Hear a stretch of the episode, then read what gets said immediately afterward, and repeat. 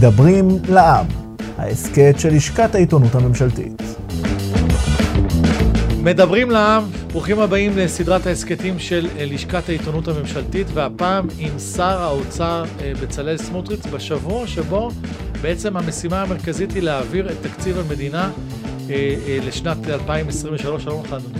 שלום ניצן, 23-24, תקציב דו-שנתי. דו-שנתי. חוק הסדרים, שבאמת כולל שורה של רפורמות חשובות שיזניקו את המשק.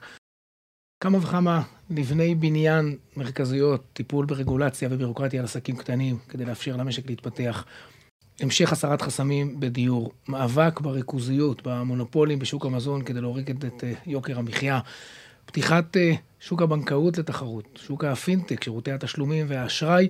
כבר נתת סוג, שורה של אה, רפורמות. השאלה היא, אדוני שר האוצר, זה תקציב ראשון שלך. במה מתחילים? במה, יש בשורה בתקציב הזה?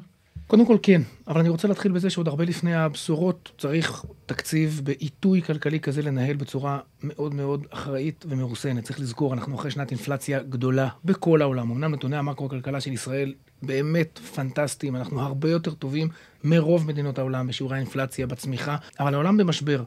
אנחנו בסוג של חוסר ודאות, אף אחד לא באמת יודע עוד לאן זה הולך בעולם, ואנחנו חייבים ויכולים, בתוך חוסר הוודאות העולמי הזה, להיות שוק מאוד ודאי, מאוד אחראי, ואז לשאוב הנה, לכאן, את ההשקעות של מי שרוצה לנהל את הכסף שלו ולהרוויח הרבה מאוד כסף. Oh. אגב, מי שהשקיע כאן ב-20 השנים האחרונות הרוויח הרבה מאוד כסף במדינת ישראל, ואת זה אנחנו צריכים להמשיך. ולכן ניצן התקציב שלנו יהיה מאוד אחראי, מאוד מרוסן. בהרכב שלו יהיה מאוד מוטה צמיחה ותשתיות.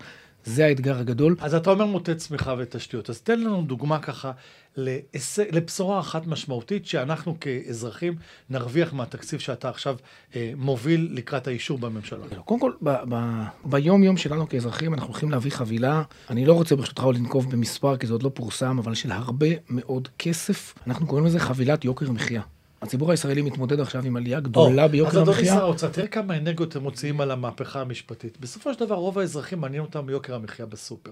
האם התקציב של 23-24 ייתן להם מזור אה, ביוקר המחיה, דברים שקשורים למזון למשל? שוב, אני לא רוצה להיות פופוליסט, ואני לא חושב שנפתור את כל הבעיות ביום אחד, אבל קודם כל, כן, התקציב הזה ישאיר הכנסה פנויה גדולה יותר לכל אחד ואחת מאיתנו. התקציב הזה ייגע בכל שכבות האוכלוסייה. ניצן, אנחנו עוברים סקטור, סקטור, שכבה, שכבה, מהחלשים ביותר, אגב, ועד החזקים, גם אלה שנושאים בנטל המס הגבוה ומחזיקים על הגב שלהם את מדינת ישראל, גם בהם אנחנו רוצים לגעת, גם להם אנחנו רוצים לעבור, לעזור, סליחה, ואני אומר באחריות, התקציב כשלעצמו יאפשר, ישאיר לכולנו הכנסה פנויה יותר גבוהה, והרפורמות, דיברת קודם על הריכוזיות בשוק המזון, אנחנו משק קטן מאוד מאוד ריכוזי. נכון, הוצאות מזון זה 16% מההוצאה הממשל... המשפחתית של כולנו, לא כל כך הרבה, אבל גם שם אנחנו ניכנס, אנחנו נפרק את המונופולים, אנחנו נפתח לתחרות. אנחנו הולכים להביא לכאן בעזרת השם רשתות בינלאומיות גדולות שייצרו תחרות, שיוזילו את המחירים לכולנו. אז צריך להוזיל את המחירים במזון, צריך להוזיל את המחירים ברכב. צריך להוזיל את המחירים בשוק האשראי. עכשיו, יש תהליכים טובים שקרו בשנים האחרונות בפתיחת שוק האשראי, זה לא מספיק, אנחנו נכנסים גם לזה עמוק עמוק בחוק ההסדרים. אגב, כן, נטפל גם במאבק בהון השחור. צריך לזכור, קלישאה שכולנו מכירים, נכון, כשכולם ישלמו, כולם ישלמו פחות, זה נכון, אנחנו רוצים שכולם ישלמו, ויותר מזה, ההון השחור הוא המנוע, הוא מחולל הפשיעה המאורגנת הגדול ביותר. תראה, אנחנו בעזרת השם. יום חמישי הזה עד שישי. זאת ישיבת ממשלה ארוכה, מתחילה בחמישי בבוקר, מסתיימת בשישי לפני הצהריים. אני מקווה בעזרת השם נעביר את התקציב ואת חוק ההסדרים בממשלה. חודש אחר כך, 23 למרץ, בעזרת השם, קריאה ראשונה בכנסת. סוף מאי, עם פגרה קצרה באמצע, צריך שהציבור ידע, קיצרנו מאוד מאוד את הפגרה, פחות או יותר כמו חופשת פסח של בתי הספר, כדי להשאיר לנו הרבה זמן עבודה בכנסת, לטייב את חוק ההסדרים, הוא חוק גדול עם הרבה מאוד רפורמות, לעבוד על התקציב. עד סוף מאי יהיה לנו תקציב ל-23-24, תקציב טוב. עם בשורה. עם הרבה בשורות בעזרת השם. עכשיו, תדע לך, אלה ימים לא קלים לי וגם לחבריי השרים. לכל שר יש את החלומות שלו, שרים חדשים נכנסו למשרדים, מלאי מוטיבציות, רוצים לעשות טוב, אבל מה לעשות, הכל צריך להתכנס בסוף למסגרות, וכפי שאמרתי, אנחנו לא נפרוץ את המסגרות, לא את כלל ההוצאה, בוודאי לא את יעד הגירעון.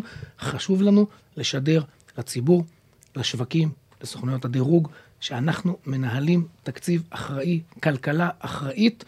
וכדאי וטוב להשקיע במדינת ישראל. אתה יודע מה? עוד דבר אחד אני חייב להגיד. אחת מרפורמות הדגל שלנו בחוק ההסדרים הזה זה חוק תשתיות לאומיות. מדינת ישראל בפיגור ענק בתשתיות. זה לא רק כבישים שכולנו פוגשים את הפקקים וסובלים מזה מאוד, אלה תשתיות אנרגיה וחשמל וטיפול בפסולת. הרבה בגלל בירוקרטיה ורגולציה. אתה יודע, לוקח היום לתכנן קו רכבת במדינת ישראל 10, 15 ויותר מזה שנים. אנחנו מביאים חוק מאוד גדול, שמטפל בכל השרשרת, מהתכנון עד הביצוע. עשרה פרויקטים לאומיים שהממשלה תגדיר, יקבלו את ה-high level, מין איזה מסלול ירוק, שיאפשר לקדם את הפרויקטים האלה מאוד מהר. לסיום, אדוני שר האוצר, אני זוכר, הטבעת חותם כשר תחבורה. בין אם אוהבים את אה, דעותיך האישיות, הפוליטיות, האידיאולוגיות, אין ספק שנחשבת לשר תחבורה טוב. בתום הקדנציה הזאת, ארבע שנים, בעזרת השם, תחשב לשר אוצר מוצלח של מדינת ישראל? אני מאוד מתפלל על זה כל בוקר, ואני חושב שהמפתח הוא להסיר את הפוליטיקה בכניסה, בשער. כשאני נכנס לבניין של משרד האוצר, אני עוזב את המפלגה שבאתי ממנה. אני עוזב גם את האידיאולוגיה במובנים שלא קשורים לכלכלה. ומשתדל להיות מאוד מקצועי. יש במשרד האוצר, ניצן, וחשוב לי לומר את זה, זאת הסיירת של השירות הציבורי. באמת, אנשים יוצאים מן הכלל, באגף הכתבים, בחשב הכללי, ברשות המיסים, ברשות שוק ההון, בניירות ערך. הסיירת של הסיירת. יש לנו לשכה משפטית, ניצן, יוצאת מן הכלל. זאת מכונה שעובדת ביעילות, שבאמת באמת אי אפשר לתאר. וכל הנבחרת הזאת, וחשוב שהציבור בישראל ידע את זה. זאת נבחרת שעובדת לילות כימים, וזאת לא מטאפורה. עזוב שאני יוצא בשבועות האחרונים בשתיים ושלוש לפנות בוקר מהמשרד, תחשוב עכשיו על עובדי מדינה. אתה מכיר את רמות השכר, לא שכר גבוה מדי, שעובדים לילות כימים, באמת שישה ימים בשבוע. אמרו לי שבעבר קצת יותר, אני מקפיד שלא יהיה יותר. באמת, עושים הכל כדי לעשות טוב לאזרחי ישראל, כדי לשפר את הכלכלה, כדי להגדיל את הצמיחה, כדי להוריד את יוקר המחיה, כדי להשאיר לכולנו חיים טובים יותר. ואני אומר לך על עצמי, אני הרי לא ממציא את הגלגל, אני זבוב על פיל. אני בא אחרי כל מה שהשאירו שרי האוצר לפניי, אני אשתדל מאוד את החוליה שלי בשרשרת הזאת לבנות ולקדם את הכלכלה ואת המשק הישראלי ולהשאיר מצב קצת יותר טוב לשר האוצר שיבוא אחריי. בסוף בסוף זה הסיפור של כולנו, זאת המדינה של כולנו, זה המפעל הציוני של כולנו, זה העם של כולנו, כל אחד תורם את תרומתו, אני מאוד משתדל. לעבוד קשה, לעבוד מקצועי, להקשיב הרבה, ללמוד הרבה, אגב, מתוך המשרד, מחוץ למשרד, מאנשי תקשורת שמתעסקים בכלכלה, מאנשים, מאנשים טובים שעושים את הכלכלה הישראלית, בהייטק, בשוק ההון, בבנקאות, בתעשייה, באמת, אנשים טובים שעושים את הכלכלה הישראלית. ללמוד מהם, להקשיב להם. אתה יודע, כאיש ימין כלכלי, אני אומר שעיקר התפקיד של הממשלה בכלכלה זה לא להפריע. לא להפריע ליזמות, לדחף, ליצירתיות, ליכולות הגדולות, למוח הישראלי לפרוץ. איפה שאפשר גם קצת לעזור בקטנה, לעזור. אני באמת מאמין, ניצן, במשק הישראלי, בכלכלה הישראלית, בחברה הישראלית, במדינת ישראל. אני שמח מאוד מאוד בתפקיד הזה. הוא תובעני, הוא קשה. אגב, יש בו רגעים גם שאתה צריך להיות האיש הרע, שאומר לא לכל מיני דרישות שהלוואי ויכולנו להיענות לכולם, אבל אני משוכנע שחבריי יגלו את האחריות.